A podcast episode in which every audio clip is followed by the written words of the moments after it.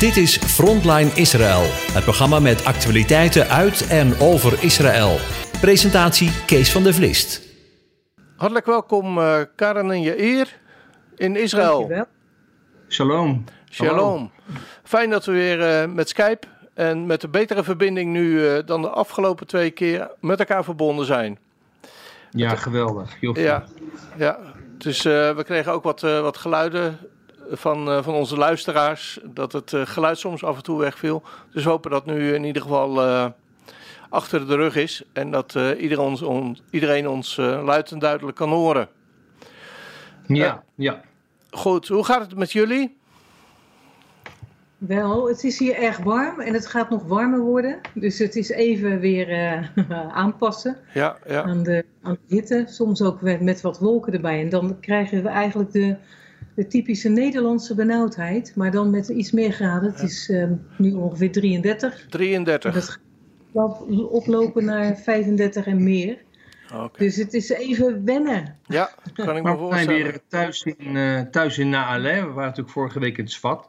Mm -hmm. Wel uh, tijd gehad. En nu uh, ook wel weer heel fijn om uh, weer in het midden van het land te zitten. Thuis te zijn. Ja. ja. Um, nou, we hebben een paar onderwerpen samen met elkaar uitgezocht. En een daarvan is ja. de Big Corona Bill. Die, we, die in, in de afgelopen nacht is aangenomen, hoorden we. Maar kun je daar misschien iets uh, over vertellen? Over de inhoud ervan? Wat dat betekent? Ja. ja, het is de Big Coronavirus Bill. Dus nog, Virus nog Bill? Langer. Ja. ja. Nou ja, het is zo dat uh, er is eigenlijk dus ook een soort Knesset Corona Comité. En mm -hmm. die konden dus eigenlijk gewoon bepalen van uh, wat voor uh, restricties er zouden worden opgelegd. En nou is dus die Big Coronavirus Bill aangenomen. En dan kan dus de regering zelf, heeft dus nu de macht, boven de Knesset heen, om uh, restricties op te leggen. Om te zeggen van nou we gaan nu uh, 60 dagen uh, ja, gewoon doen zoals wij het willen. Zonder dat de Knesset dus dat tegen kan houden. Ja, dat... Maar het is een beetje een eng idee eigenlijk. Ja. Weet je wel? En dat is tot uh, volgend jaar uh, juni 21 is dit is een, een regel mm -hmm. dat er dus uh, restricties kunnen op worden gelegd. Bijvoorbeeld, nou ja, daar gaat het een lockdown. Mm -hmm. En op dit moment zijn er bijvoorbeeld ook heel erg veel demonstraties, gewoon bijna dagelijks. In ieder geval op dinsdagavond en op de zaterdagavond.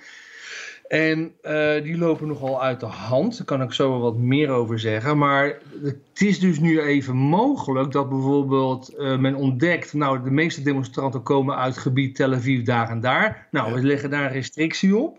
Mhm. En dan mogen die lui dus niet dat gebied uit. Dan mogen ze wel in hun eigen gebiedje demonstreren... maar mogen ze dus niet massaal naar bijvoorbeeld Jeruzalem komen... om te demonstreren Maar- in de Balfourstraat waar Netanyahu uh, zetelt. Ja, ja. Wat, Dus dat min of meer wordt de eh, ja. democratie denk ik een beetje aan de kant geschoven, of niet? Ja, ja nou, die krijgt Min of een meer. klap. Ja, ja, die krijgt inderdaad daar wel een, eh, een, ja, een klap van. Dus dat zijn wel dingen waar wij ook wel denken van wat is hier verder aan de hand. Maar goed, kijk, het is natuurlijk een, een hele rare situatie. Die demonstraties die, die zijn volledig chaotisch. Eh, ja, ook weerzinwekkend soms. Zoals eh, van de week dan eh, eh, gingen ze met een optocht met een hele grote menorah. Oh. En dan bovenop die menorah ging een, een, mevrouwtje zitten. Die ontblootte zichzelf. Nou. Bovenop die menorah. Nou, dat, nou, dat is natuurlijk vreselijk. Hoe kan je het nationaal symbool zo ontereren? En dat soort zaken. En dan heb je mensen die zijn tegen, de, tegen Netanyahu vanwege lopende corruptieschandalen waar die nog niet voor veroordeeld is, maar gewoon hè, dat loopt. Ja. En dan heb je mensen die zijn tegen eh, de restricties die worden opgelegd. Ja. Dat Zijn zijn het vooral eh, misschien mag ik even onderbreken, ehm, ja, eer, maar zijn het vooral linkse, linkse demonstranten, denk je? Nou, het, het is een gemengd gezelschap. En het wordt wel aangevuurd door links. Ja. Eh, een van de grootste vijanden van eh, Netanyahu is zeg maar Ehud Barak. Dat is ook Ja. een eh, voormalige premier. En die, ja, die, die stimuleert ook met geld en financiën deze demonstraties. Maar nogmaals, het is dus een, een samenvoeging van een heleboel mensen die boos zijn. zijn. Ja. En er zijn dus ook uh, ja, rechtse mensen bij die, die boos zijn. Maar Ja. ik, als ik zo zelf vanuit mezelf mag zeggen, denk ik dat het vooral een linkse beweging is Ja, die dit ja, eh, ja. heeft, eh, die dit probeert, Netanyahu probeert onderuit te krijgen. Ja. En hoe, hoe kijken jullie daar, nou ja, als, wel als inwoner natuurlijk van Israël tegenaan, maar toch ook weer een beetje met, met andere ogen misschien dan nou, mensen die traditioneel daar op dit moment of veel langer in Israël wonen. Hoe kijken jullie tegen, tegen Netanyahu aan? Wat vinden jullie Ja. daarvan? Want ja, wij lezen hier van alles over hem. Ehm, Aan de ene kant eh, denk ik een goede leider die heel veel goeds ook voor Israël gedaan heeft. Maar andere, aan de andere kant ja, kleven er toch wel heel veel andere geluiden tegenaan. Hoe zien jullie dat? Nou, dit is een beetje dubbel. Kijk, hij, hij heeft gewoon die eerste coronavirus heeft hij gewoon heel goed aangepakt. Ja, Toen kwam dus dat, dat eh, ja, kwam Gans erbij en die houdt hem enorm tegen in, in allerlei opzichten, waardoor Netanyahu ook niet een goed beleid kan voeren. En dat krijgt hij natuurlijk ook op zijn kop. ja, Eh, tuurlijk kan je van alles kritiek hebben op deze man, maar ik denk, ja, wij zijn zelf nogal pro-Bibi. ja, ja. En eh, eh, ik denk dat hij gewoon enorm zijn best doet, dag en nacht voor, voor dit land. En kijk, het maakt mij helemaal niks uit of hij nou dikke sigaren rookt. Of hij nou een keer extra gewoon, weet ik veel wat, eh, een, een, een, e- eten bestelt daar of waar. Of al die Ja. roddels die over zijn vrouw worden uitgespuugd. Het is gewoon, Mhm. het is zomaar zo, zo klein. Ik denk, waar hebben het over? Deze man doet echt zijn best voor ons land. ja. En, en eh, als hij gewoon niet oké is, als hij inderdaad gewoon schuldig is aan iets, nou, daar moet hij dan ook voor boeten. Maar laat hem gewoon nu zijn werk doen. ja. Laat hem dan gewoon premier zijn. En daarna, oké, dan Israël is een democratie. Ja. Iemand die is niet goed, die gaat gewoon de bak in. Dat, ja. Maar dat moet nog bewezen worden of, Ja. of hij inderdaad verkeerd was. Ja, ja, hij heeft natuurlijk ook de pers heel erg tegen zich, hè? Tenminste, zoals wij Hij dat heeft- een beetje hier lezen. Maar kijk, het is vooral een, een haat tegen Bibi van links. Ja, En die richt zich ook op zijn familie. Een van zijn zonen heet ook Jair. ja, En die steekt nogal zo, ook zo hoog boven het water, uit- boven het maaiveld uit. En die, eh, die, die hele familie wordt ook bedreigd met de dood. Dus het is, eh, het is niet zomaar wat eigenlijk Nee. wat aan de hand is. Nee. Het is een, een, een, ik vind het een eh, heel verdrietig verhaal, eh, Ja. als ik het zo moet zeggen. Ja. ja. En ik juist denk dat dat deze- een goede kwalificatie is voor de situatie, voor wat dat betreft. Ja. Maar we horen bijvoorbeeld ook in Nederland eh, dat de coronabesmettingen maar, maar blijven stijgen.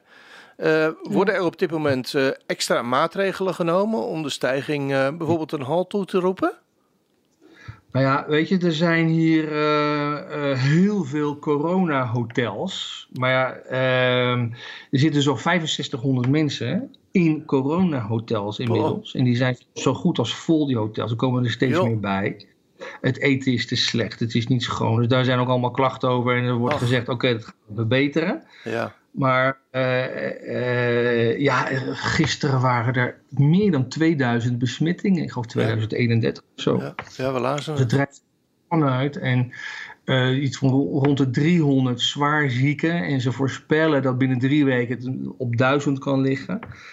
Eh, ongeveer zo'n 23% van de besmettingen komt uit de Garidi, uit, uit de orthodoxe hoek.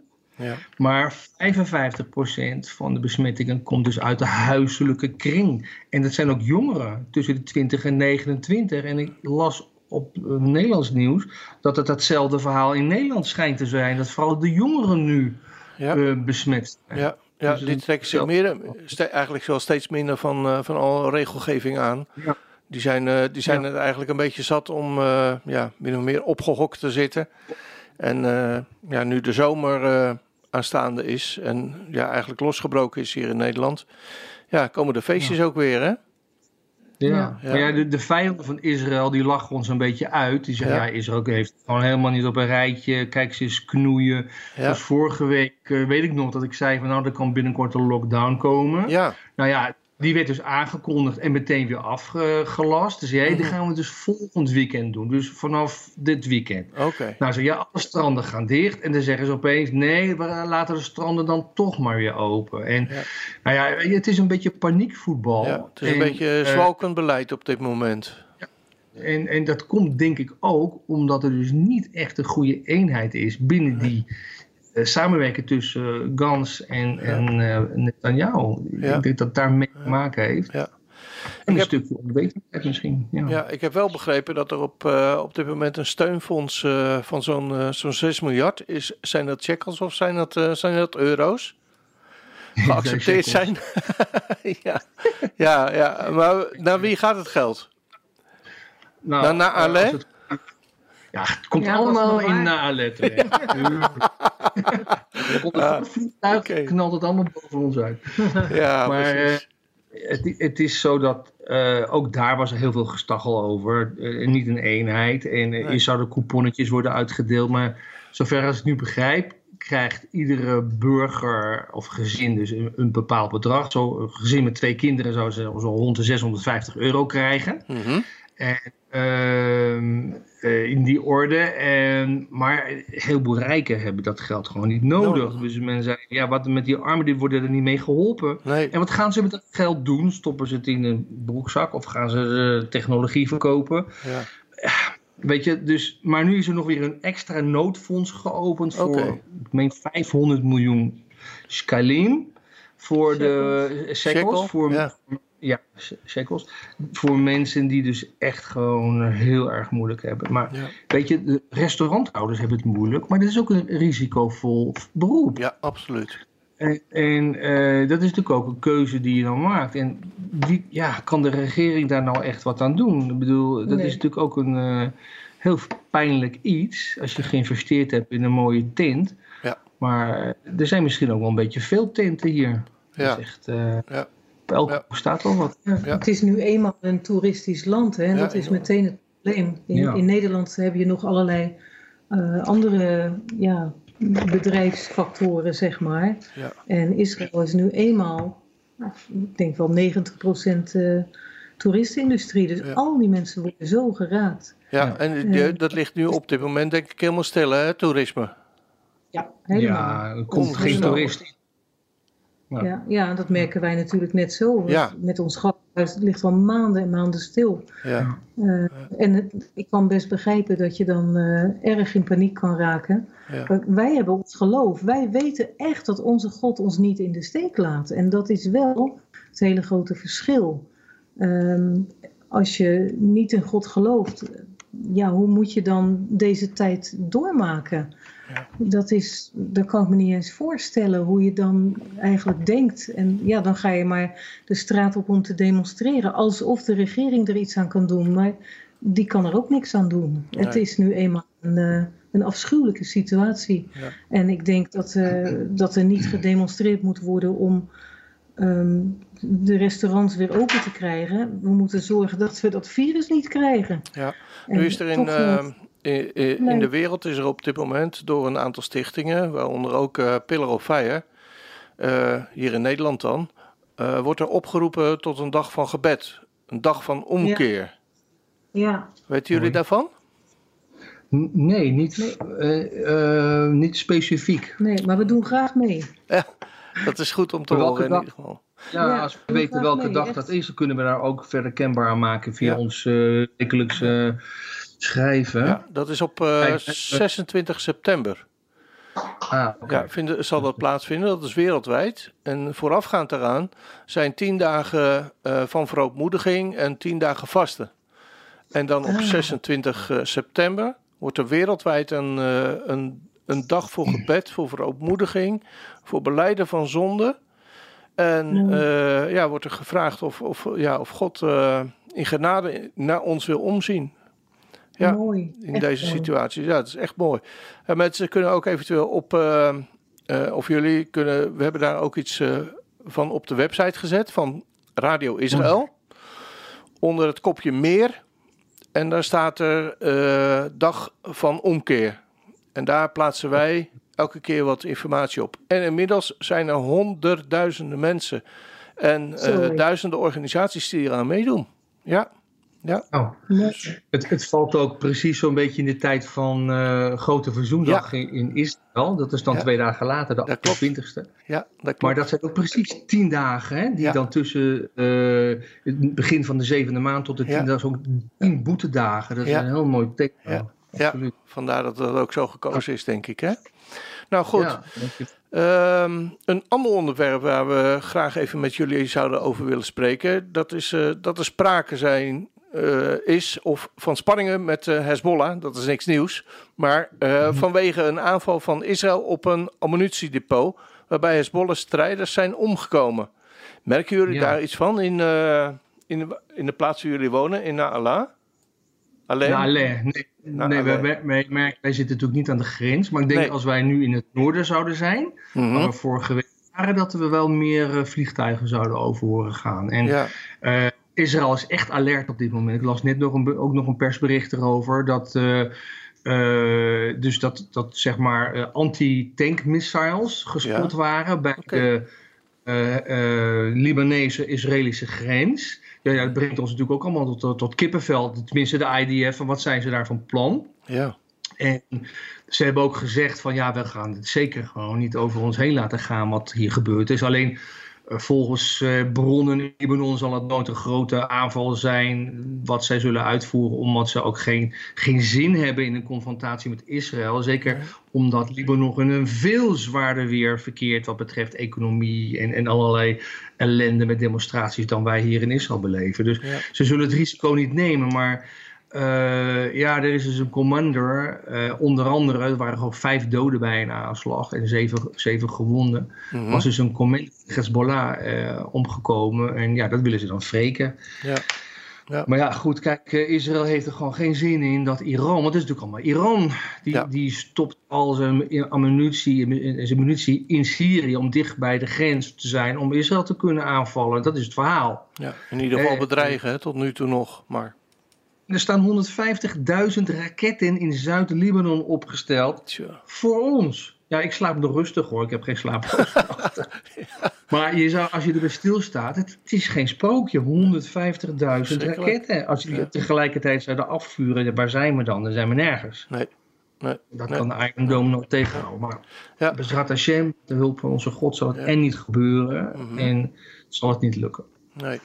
Nu horen we ook uh, regelmatig van, uh, van ontploffingen, explosies in Iran, over uh, in energiebedrijven en dat soort dingen. Ja. Hoe, ja. hoe denken jullie dat Israël erachter zit? Of, nou, of heb je geen nou, idee?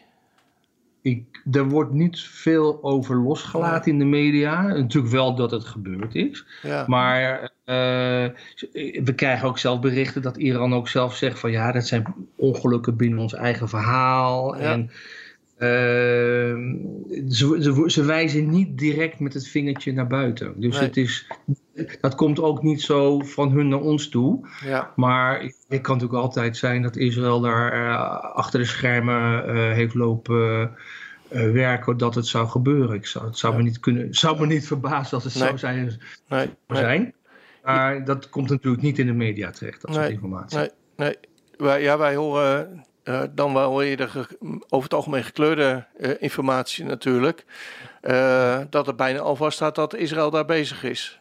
Ja, dat is dan Ja, wel maar- vaak een beetje het geluid alweer. Hè? Ja. Nou, Israël geeft per definitie geen, geen commentaar op dat soort opmerkingen. En eh, ja, dus kijk, zoals die aanval eh, op het Hezbollah-strijders, daar heeft Israël ook niet direct op gereageerd. Maar het is wel duidelijk dat het natuurlijk wel van onze kant komt. Ja, Eh, ook omdat in de media ook weer wordt ver- vertaald zo. Maar over Iran, nee, daar wordt verder niet over uitgeweid. nee. Maar wel dat daar bijvoorbeeld 25 miljoen besmettingen zijn van corona. Mhm. Dat soort dingen. Ja. Echt gigantische aantallen. Ja, ik heb, eh, ik heb nog een vraag. Jullie zitten in een, eh, in een bijzondere herdenkingsperiode hè, in Israël op dit moment. Ja, ja. Kun je er iets over vertellen? Ja, dat is eh, de zogenaamde drie weken periode. Die herinnert aan de tijd van de Tweede Tempeltijd. Dat er in Jeruzalem een bres werd geslagen in de muur. En drie weken later werd dan de Tweede Tempel verwoest. En dat, de eerste tempel in het jaar 586 voor Christus is ook op dezelfde dag verwoest als de, in het jaar 70. Ehm, en die dag heet dan Tisha B'Av, de negende van de vijfde maand. Het is nu de derde, uh, vrijdag de derde uh, van de vijfde maand. Mhm. En afgezien van deze twee drama's die zich hebben plaatsgevonden in de geschiedenis van het Joodse volk, zijn er nog veel meer nare dingen gebeurd op de negende Aaf. Ook de verdrijving uit Spanje bijvoorbeeld in 1492. In 1290 werden de, eh, werden de Joden op Tisha B'Av uit Engeland verdreven. Nou, zo hebben we nog een heel rijtje. Allemaal op Maar, dezelfde eh, dag? Allemaal op Tisha B'Av. Eh, ehm, ja, o- o- ook, de, ook in de Tweede Wereldoorlog op die dag. Net alsof ze het erom deden, denk ik. Ja. Eh, er zijn vreselijke momenten geweest als een, eh, op deze treurdag. En kijk, over het algemeen eh, zijn er heel veel christenen die wel een Israël-visie hebben. Die vinden het dan leuk om Sukkot mee te vieren, vieren en Pesach en Ja. Shavu- Shavuot. Maar wat met die treurdagen? Want wat is het effect geweest? Is de, de galoot, de ballingschap. De Joden die zijn woestingen over de hele wereld. Eh, wat ook heel veel goeds gegeven heeft. Weet je wel? Ze Ja. hebben de, de, de Nederlandse vertaling van de Bijbel, eh, de Statenvertaling, is mede aan de, door hulp van Nederlandse en, en eh, Joden tot stand gekomen dat er een goede vertaling kwam. Nou, noem maar op. Een heleboel mooie dingen. Maar ze horen natuurlijk hier in het land te zijn. Ja.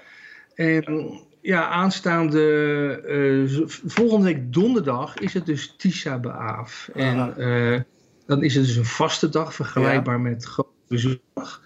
Eh, alleen de winkels zijn wel open. Het is niet een nationale treurdag. Het is ook een beetje een persoonlijke eh, treurmoment. Omdat er zoveel nare dingen zijn gebeurd in de geschiedenis van het volk. En Israël vergeet dat niet. Hè. Israël is een volk wat niet vergeet. Vergeet. Ook omdat ze ook niet vergeten dat ze, dat ze hier thuis horen in het land der belofte. Het land wat God aan hen toegezegd heeft. En van waaruit ook de vrede zal komen over heel de wereld. En dat is ook het belang van die Tempelberg. Want nu staat er een bouwsel waar een niet-Jood niet in mag.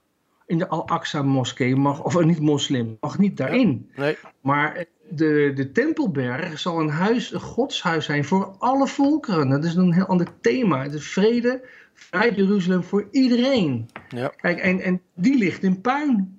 En Ja. mogen we dan niet meetreuren met het volk? Dat, is een beetje een thema wat we ook als webinar hebben volgende week dinsdagavond. Misschien wil je daar nog eh, wat voor promoten voor ons. er is Nou ja. nog wat plek. Ik, zou- ik zou zeggen, dat, dat kun je het beste zelf nu, hè?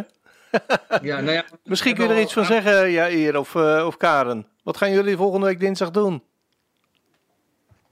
Nou ja, ik, ik heb hem voornamelijk voor- samengesteld. Oké. Maar eh, het is eh, de volgende week dinsdagavond van half acht tot half negen jullie tijd. Ja. eh, geven we dus via een PowerPoint een heel mooi overzicht van wat is Tisha B'Av. Wat, voor de tempels had je natuurlijk ook nog de, de, de, de- in Shiloh ook nog een, een, tempel van de Heer. Nou, de- we gaan een beetje dus de geschiedenis van Tisha B'Av door tot op de dag van vandaag en wat het betekent. En ja, eh, het thema wat ik net zei, van waarom zouden we wel mee vieren en niet mee treuren. En we willen toch allemaal graag dat eh, wat de profeten ook zagen, dat dat zal gebeuren. Dat het godshuis eh, daar zal zijn en dat God vanuit, hè, zoals Micha dat profeteert, dat alle volkeren zullen komen. En eh, naar Jeruzalem Ja. eh, om Dat hem ze, te anders, eh, aanbidden. dat ze anders geen regen zouden krijgen, hè? Ja, ja, dat is inderdaad Ja. wat daarna Zachariah zegt dat. Ja. Maar goed, dat is dus, eh, als men wil, dan kan men een mail sturen naar info eh en dan krijgen ze de link en dan mogen ze meeluisteren. Of een gemeente die misschien bij elkaar wil zitten. Ja. Maar eh, eh, wat, wat, zijn er nog kosten aan verbonden? Want jullie moeten toch ook... eh, ja, moet brood op de plank komen bij jullie? Nou, we willen heel graag die 6 miljard natuurlijk hierheen krijgen. Oh, dan hoef je voorlopig daar geen, geen zorgen meer over te maken. Oh, kijk, dat is niet. Dan kopen we een nieuwe auto. Ja, we- ja, dat is een thema, hebben we niet over gehad, over onze auto. Maar Ja, daar komen we zo nog eventjes op terug. Omdat het ook met de druzen te maken hebben, waar we het vorige week over hadden. Maar Ja, daar ja, komen kijk, we zo het nog is even een op terug. gratis toegankelijk eh, webinar. Maar als men ons wil steunen, ja, natuurlijk heel graag, want we hebben verder geen inkomen. Nee, nee, nee. Eh, nee. we leven een En- beetje dus van dat soort eh, Ja, en de, de, de, uh, jullie bankrekening staat waarschijnlijk, nummer staat waarschijnlijk ook op de website, hè? Dat weet Karin beter. Ja, en we kunnen het ook aan het eind van de webinar even opgeven. Even oh, ja. Maar het is in principe gewoon gratis. Ja. Maar voor wie het uh, in zijn hart heeft om iets te geven, dat zou heel fijn zijn. Ja, nou. Ja. Er is ook een ambistichting. 23, uh, 23, even kijken hoor. Nee, dinsdag uh, aanstaande. Ach. En hoe laat begint het webinar? Half acht. Half acht. Van tevoren jezelf even aanmelden via uh, info.studiehuisreceipt.nl hè? Ja. ja. Ah, super. Over, ik wou nog zeggen, er is ook nog een ambi-stichting uh, die zeg maar voor ons ook promoot. Dat is de stichting Ameg Ami, uw volk is mijn volk. En dan kan men ook eventueel... Uh, ja, okay. Belastingvrij. ja, ja, ja, ja, prima. Weet je, uh, we sluiten nu eventjes af. We gaan even luisteren naar muziek. En dan komen we zo weer bij jullie terug. Oké? Okay? Ja, helemaal goed. Helemaal goed. Tot zo.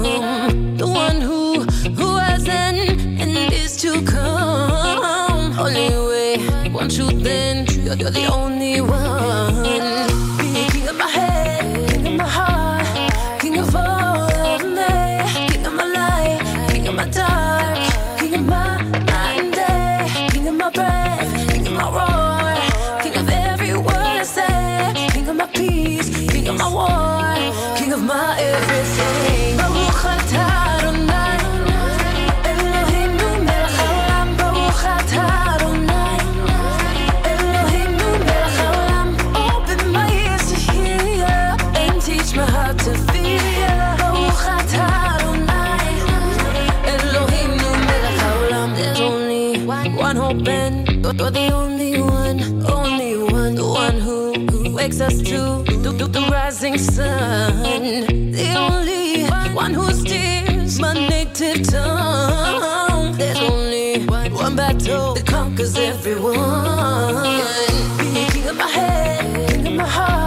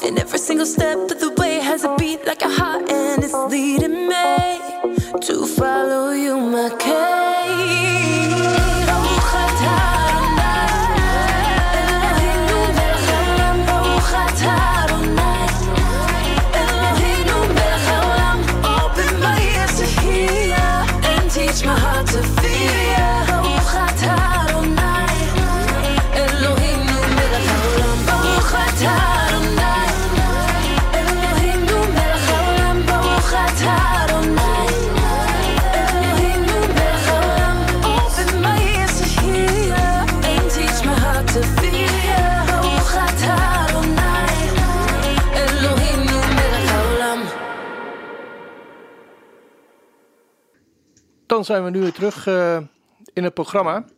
En we spreken met uh, Karen en Jair, strijker in Israël, over allerlei actuele zaken die er op dit moment spelen. En nu lazen wij uh, in, de, in de krant bij ons, tenminste in de krant, op het internet, we lazen over een verschrikkelijk bericht dat er ook in, de, ja, in de afgelopen week of in deze week weer, weer twee jongetjes vergeten zijn op de achterbank van een auto, waardoor deze kinderen in de auto zijn bezweken. Uh, ja. Verschrikkelijk bericht natuurlijk, uh, Karin. Uh, hoe, ja. ja. Kun je er iets, misschien iets meer over vertellen? Gebeurt dit meer? Ja, het is, Het gebeurt meer, het gebeurt elke zomer. En je begrijpt Och. het gewoon niet. Nee. Ehm, ja, het, het eerste jongetje wat overleed, ehm, die was twee jaar eh, dit jaar. En het tweede jongetje was vier jaar. Mhm. En het, eh, het is heel opvallend wat wij merken, want ook vorig jaar gebeurde het meer dan twintig keer. Eh, het zijn heel vaak Bedouinen en Echt, Arabieren. echt dat kinderen ook echt overlijden? Ja, Twintig? ja, het waren er, eh, er, het waren er meer dan twintig voor Wow. zover ik me kan herinneren, maar het was erg veel. Of die zijn achtergelaten, eh, waarvan er in ieder geval een aantal zijn overleden. Maar meestal gaat het dan ook mis, want je hebt maar heel eh, weinig tijd nodig ehm, in een afgesloten auto met Mhm. hitte om te overlijden. Dat is zomaar gebeurd. Dat kan in 20 minuten gebeurd zijn.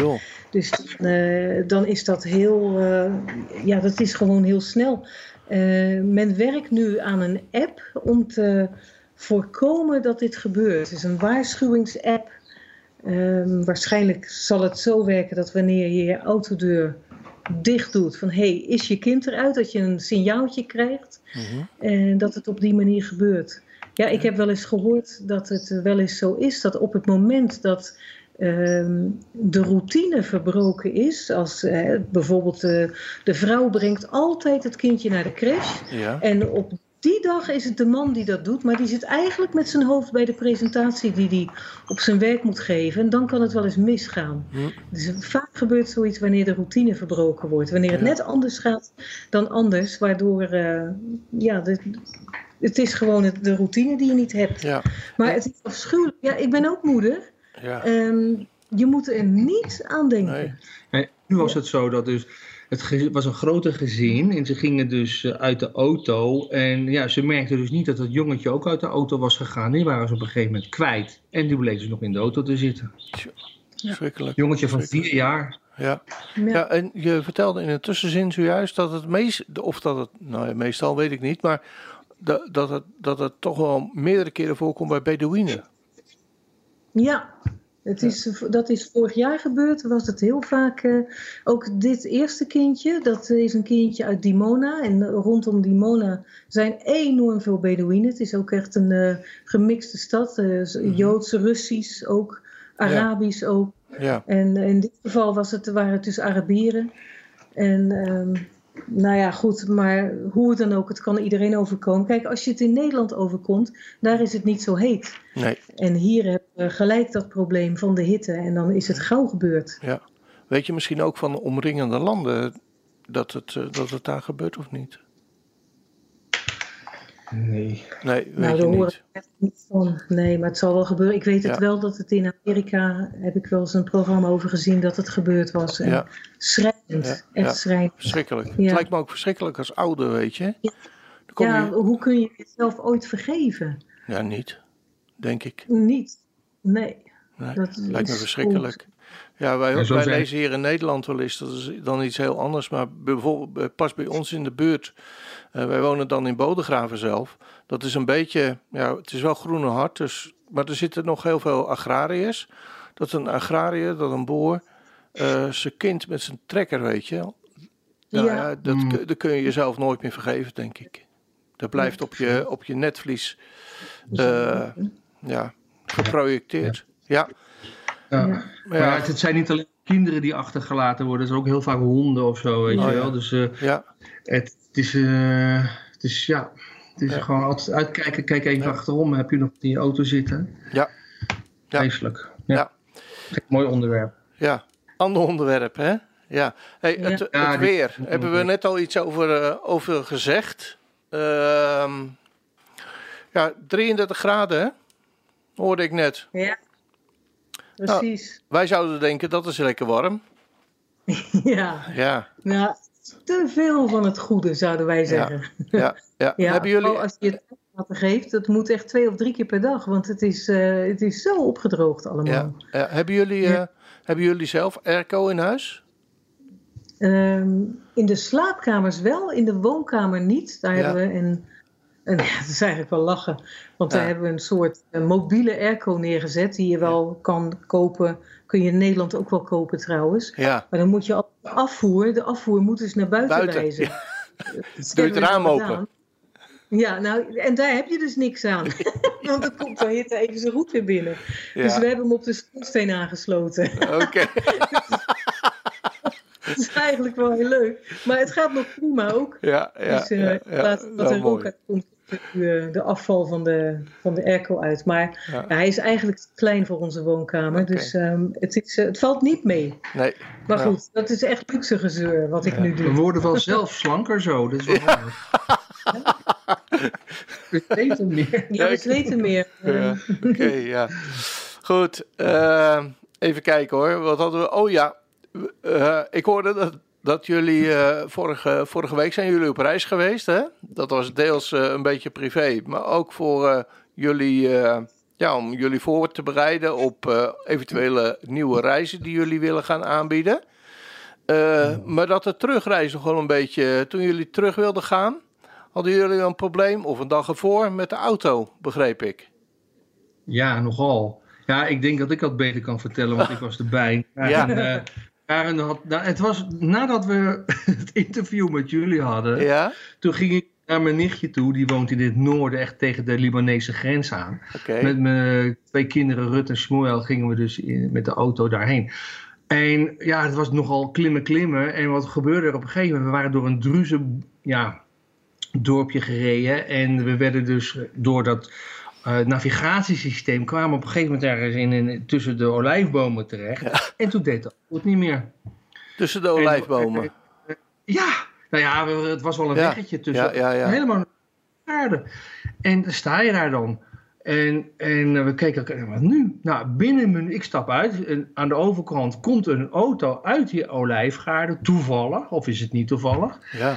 En die vraagt iemand, kan je ons helpen? Want we zitten hier gewoon met een probleem. Nou, die man meteen van, ja joh, natuurlijk ga je helpen. Eindje verderop is hier een eh, garage. Dus, eh, ik kom je, don't worry, ik ga je helpen. Nou, inderdaad kwam er dus een man aan na een paar minuten. En eh, de auto zei, ja, de, de clutch, dat is de koppelingsplaat is stuk. Dus Wow. ja, het was donderdag. Dus vrijdag, het was Shabbat, dan zouden we weer terug moeten naar huis. Ik zei, ja, die is dan nog niet klaar. Ja. Maar goed, ik heb een- vervangende auto mee. Uiteindelijk heeft het tot maandag geduurd dat die auto... eh, zijn we dus weer naar het, ben ik weer naar het noorden gereden om die auto op te halen. Ja, En hoeveel toen kilometer is dat ongeveer? Oh, 200 bijna. Ja. Zo. Ja. En eh, eh, toen vroeg ik toch, wie was nou die man die ons hielp? Ja, dat was een christen, zegt hij. Oh? Oh, Wauw. Bijzonder. En ik zei, het was zo'n gave vent. Hij kwam later nog terug, zo van, joh, als er iets is, je kan me bellen. Ah, En ik vond het een engel die gewoon binnen een minuut nou ons eh, probleem met de auto daar was en ons hielp. En dan deze man, waarvan ik dacht, ja, het is een, het is een Arabier, maar het is een, was een Druus. ja. En eh, hij heeft me dus van alles uitgelegd over eh, het verschil tussen Syrische druzen Mhm. en Israëlische druzen. En dat ze dus afstammelingen zijn van Jethro. Ja. En ik zei van ja, maar Jethro was weer een afstammeling van Ketura. Nou, hij, ja, ik weet niet zo heel veel van godsdienst. Wat bidt u dan wel vijf keer per dag? Nee, maar ik geloof wel in God. En, Ja, ja. dat was een verhaal. geloof En nog wat mooier is, Ja. we kwamen op een gesprek waar hij zei, joh, mijn, mijn schoonzoon die doet ook in toerisme en we hebben hele leuke tsiemers, kamers. Ah, Kan je komen logeren met een groep en nou. eh Bedouinen eten en, of eh eh, druzen Druzen eten. eten. Dus krijg je misschien nog een staartje. Ja, mooi. Mooie ontmoeting dan. De auto is weer thuis. Ah, En als het over eten gaat, dan zijn we er wel bij. Kost. Maar eh, Ja. Ik doe mee hoor. gelukkig. Ja, ja, Ja, ja. ja, ja, ja, ja. Nou, in ieder geval, eh, uit, ja, uit iets vervelends is toch wel iets moois geboren uiteindelijk. Hè? Ja, nou ja, ik vond het heel wonderlijk dat Ja. die man daar opeens was. Dat Wie was weet. gewoon. Wie weet. Ja. We hebben hier Ja. ooit een keer in de jaren tachtig was er een liedje Engelen bestaan niet. In Nederlands. ja. Maar eh, ze bestaan wel hoor. Er staan wel, er Ja, zijn genoeg absoluut. mensen die Oh, engelen ja. hebben gezien. Ja, Dan zijn wij geloof ik keer. Mooi Ja. is dat. Ja. Ehm, ja, als laatste wil ik het nog even met jullie hebben, als afsluiting ook. eh, laatste onderwerp, eh, de parashat van, eh, van de komende week. Parasha. Hij zei het goed. Wat nee, hij je? zei parashat. Ja, je, hij zei Oh, parashat, oh, oh. maar het is Parashat Hashavua, of anders is het Parasha van de week. Oh, dan moet de, Ja. de klemtoon eigenlijk op de, de laatste letters eh, vallen. Klemtoon. Ja. Parasha? Ja, Parasha. Parasha? De Parasha van de week. Oké, oké. Er wordt hier in Nederland eh, eh, heel anders eh, uitgesproken. Hebben we in ieder geval weer wat geleerd. Daar zijn wij nou, voor. kijk. Ja, ja mooi. Parasha. Ja, Juist. En maar wat betekent het eigenlijk? Het is de, de portie, de portie van de Ah. eh, Torah die elke week gelezen wordt. Ja. En de Torah op deze manier, dus in één jaar tijd, vanaf Genesis tot en met ehm, eh, het laatste boek, eh, tot en met Dvarim gelezen. En, Dvarim? ehm, Dvarim, dat is Deuteronomium. Ah, Eh, het is eigenlijk leuk, want Deuteronomium, dat zou je kunnen zeggen als de Deuteronomos, zoals de Grieken dat noemen, de tweede wet. Maar wat is het eigenlijk in het Hebreeuws? Is gewoon de varim. En de varim, dat zijn woorden, of ook wel zaken of dingen. Maar in dit geval van deze parasha is het, zijn het woorden. ja. En als we kijken naar het woord de varim en naar davar, wat eigenlijk het werkwoord ervan is, Ja. eh, spreken. En dan kun je iets heel moois maken. Want de Varim, dat is geschreven in de woestijn. Mhm. En die woestijn, dat is de midbar. En wie een beetje thuis is in het Hebreeuws, die weet dat in het woord midbar zit ook weer het woord davar, het woord spreken. En het is wonderlijk dat die midbar, die woestijn, ehm, die, dat is een plek waar juist God gesproken heeft. Omdat juist in die woestijn is de Torah gegeven en zijn alle wetten eh, bekrachtigd, als het ware. Natuurlijk begon God al de wetten te geven aan Adam. Eh, maar het werd bekrachtigd in de woestijn. En daar juist was God sprekende. En het leuke is, dat woord midbar, als je dat anders beklinkert, kun je het woord mudaber maken. En mudaber betekent sprekende. Dat is als het ware de wachtvorm van het werkwoord spreken. En God is dus sprekende in de woestijn. En dat is het mooie van Hebreeuws, dat je dit soort prachtige woordverbanden kunt maken. En ook kunt zien dat God werkelijk ook zo met het volk omging. Ja. En dat zijn prachtige dingen. Dus we beginnen eh, deze week met Deuteronomium. Vanaf 1, vers 1 tot 3 vers 22. Oké. En dat is echt ook het eh, beschrijven wat eh, Mosje doet. van alle tochten, vanaf de uittocht. Ook van alle strijd die is geweest met de koningen. Eh, die zij eh, tegen het lijf zijn gelopen in feite in Mhm. die 40 jaren in de woestijn. Ja. Heel eh, heftig soms. Ja. En dan zien we ook dat God drie volkeren als het ware spaarde. De Ammonieten, de Moabieten en de nakomelingen van Esau. Dat is dan het gebergte Seir geweest. Ja. En ehm, omdat God hen, sowieso die Ammonieten en die Moabieten, omdat ze nakomelingen zijn van Lot, Mhm. heeft God hen hun eigen gebied beloofd. En ook Esau heeft zijn eigen gebied. Alhoewel God daar later behoorlijk tegen tekeer gaat. Ja. Maar dat is een ander verhaal. Sowieso, de eh, Israëlieten moeten hen echt met rust laten. En als ze door het gebied trekken, echt voor het eten en het drinken betalen. En respecteren dat dit eh, gebied van hen is. Wat ik zelf wel opvallend vond, was dat eh, het volk de Amorieten tegenkomen. En het, als je de Amorieten dus opzoekt, dan zie je ook op atlassen staan dat ze in feite in het huidige Syrië woonden. Echter, ze hebben een Arabische afkomst en de Joden, of de Joden, het volk Israël, ehm, komen hen in feite tegen bij het gebergte Seir, juist in het zuiden. En dat is interessant, vind ik tenminste. Ehm, die oorsprong is Arabisch geweest. Ze kwamen dan ook een beetje van dat zuiden en zijn waarschijnlijk later eh, in het noorden gaan wonen, richting Syrië. En het was een nomadenvolk sowieso. Maar daar hebben ze het flink mee aan de stok gehad. En het volk Israël heeft hen werkelijk ook eh, in de pan moeten hakken. Ehm er zijn allemaal dingen die ik altijd lastig vind om te lezen. Maar goed, het is niet anders. Ehm, ja, dus het aparte is eigenlijk dat het volk Israël 38 jaar heeft rondgezworven tussen Kades Barnea in het zuiden en tussen Seir. Dat was eigenlijk een hele kleine plek van Mhm. die grote woestijn waar zij 38 jaar lang hebben gezeten. En waar komt dat dan op neer? Dat is natuurlijk zo gekomen omdat ze het beloofde land niet in wilden. Ze waren een beetje bang. Hè, Mosje die eh, verhaalt dat ook weer. Waarom doet Mosje dat overigens? Omdat ehm, die hele generatie van toen, in het begin, die is uitgestorven.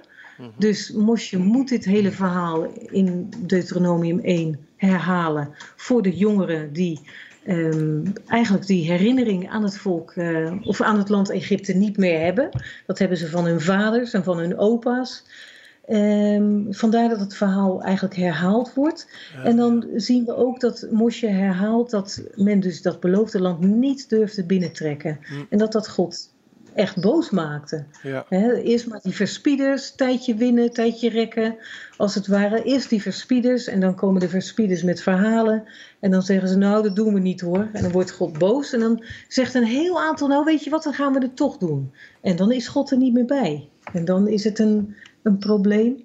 En eh, uiteindelijk zeggen ze dan ook voor die grens, als het ware, God moet ons wel haten. Nou, en dat is eigenlijk zo ernstig dat dat gezegd wordt.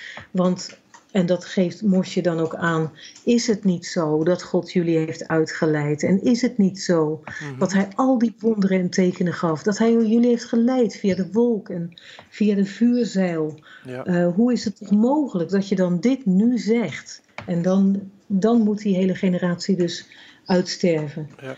Eh, ja, het zat hem dus niet in eh, eh, ja, een natuurlijke dood als het ware. Nee. Alhoewel ook wel, want anders moesten ze ook niet zo, zo lang wachten. Maar het geloof moest actief zijn. Geloof is gehoorzaamheid. Ehm, we kunnen wel zeggen, ja, ik geloof in God, maar dan moeten we hem ook gehoorzamen. En dat is het verhaal waar, waar het aan ontbrak bij het volk. Ja.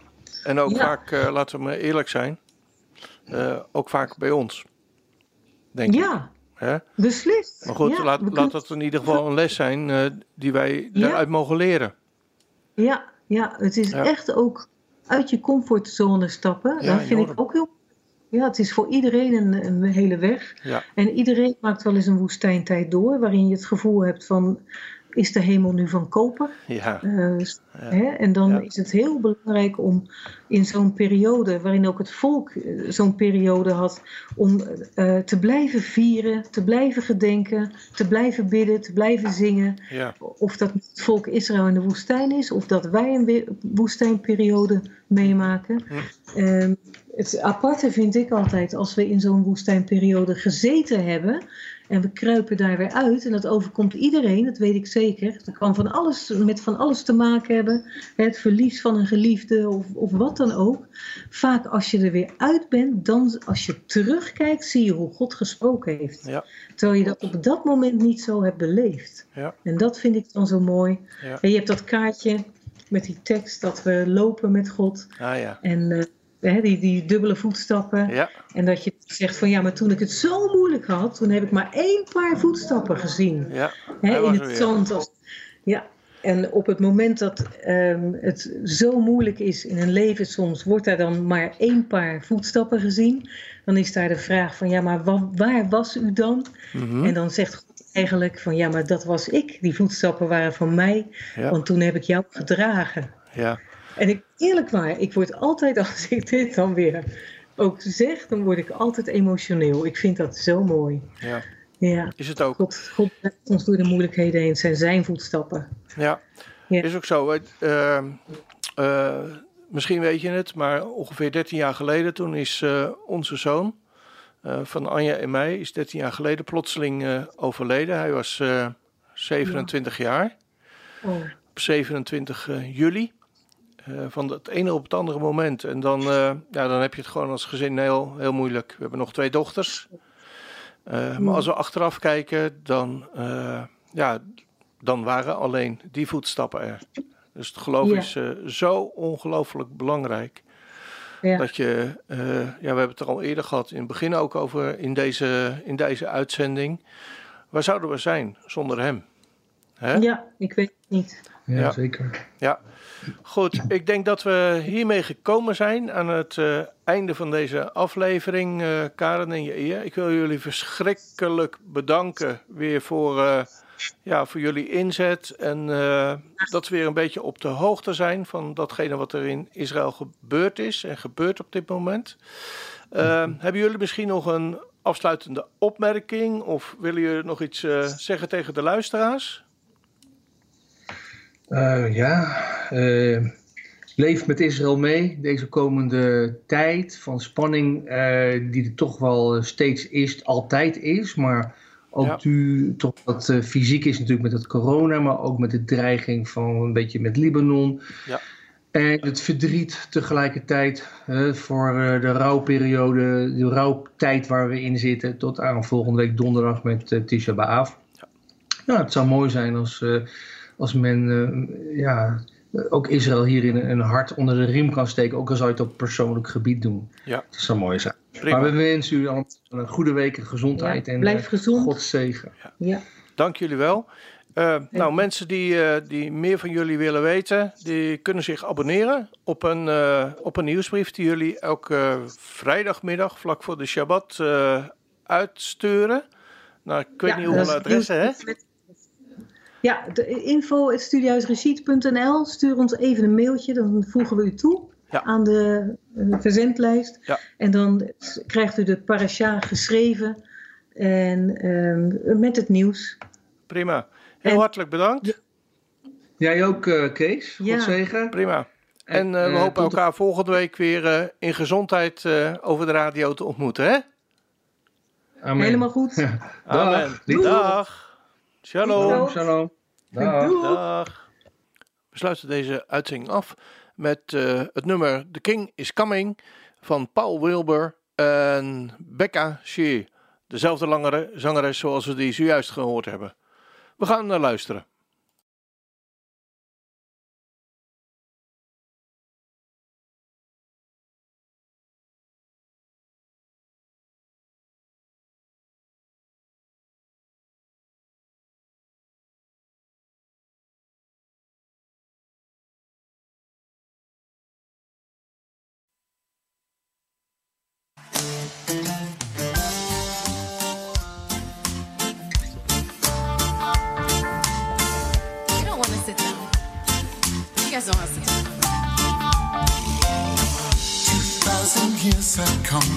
Gone, still we wait. The promise of Messiah lives within our hearts. Our faith is strong, our souls anticipate. We cry out, let your kingdom come.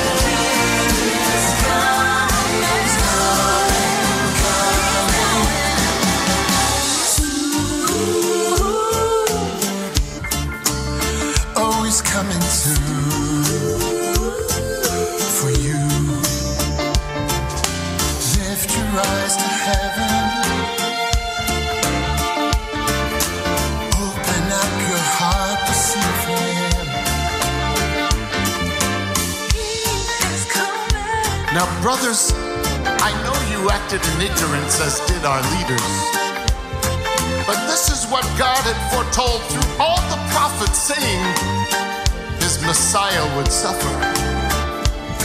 So repent then and turn to God. Your sins will be wiped out. Times of refreshing will come from the presence of the Lord. And he will send again the Messiah appointed for you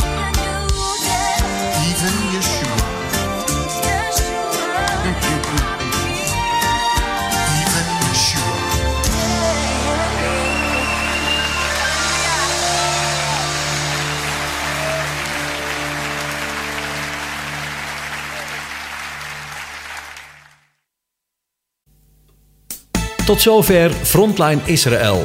Het programma met actualiteiten uit en over Israël. Als u wilt reageren, dan kan dat. Stuur een mail naar reactie radioisrael.nl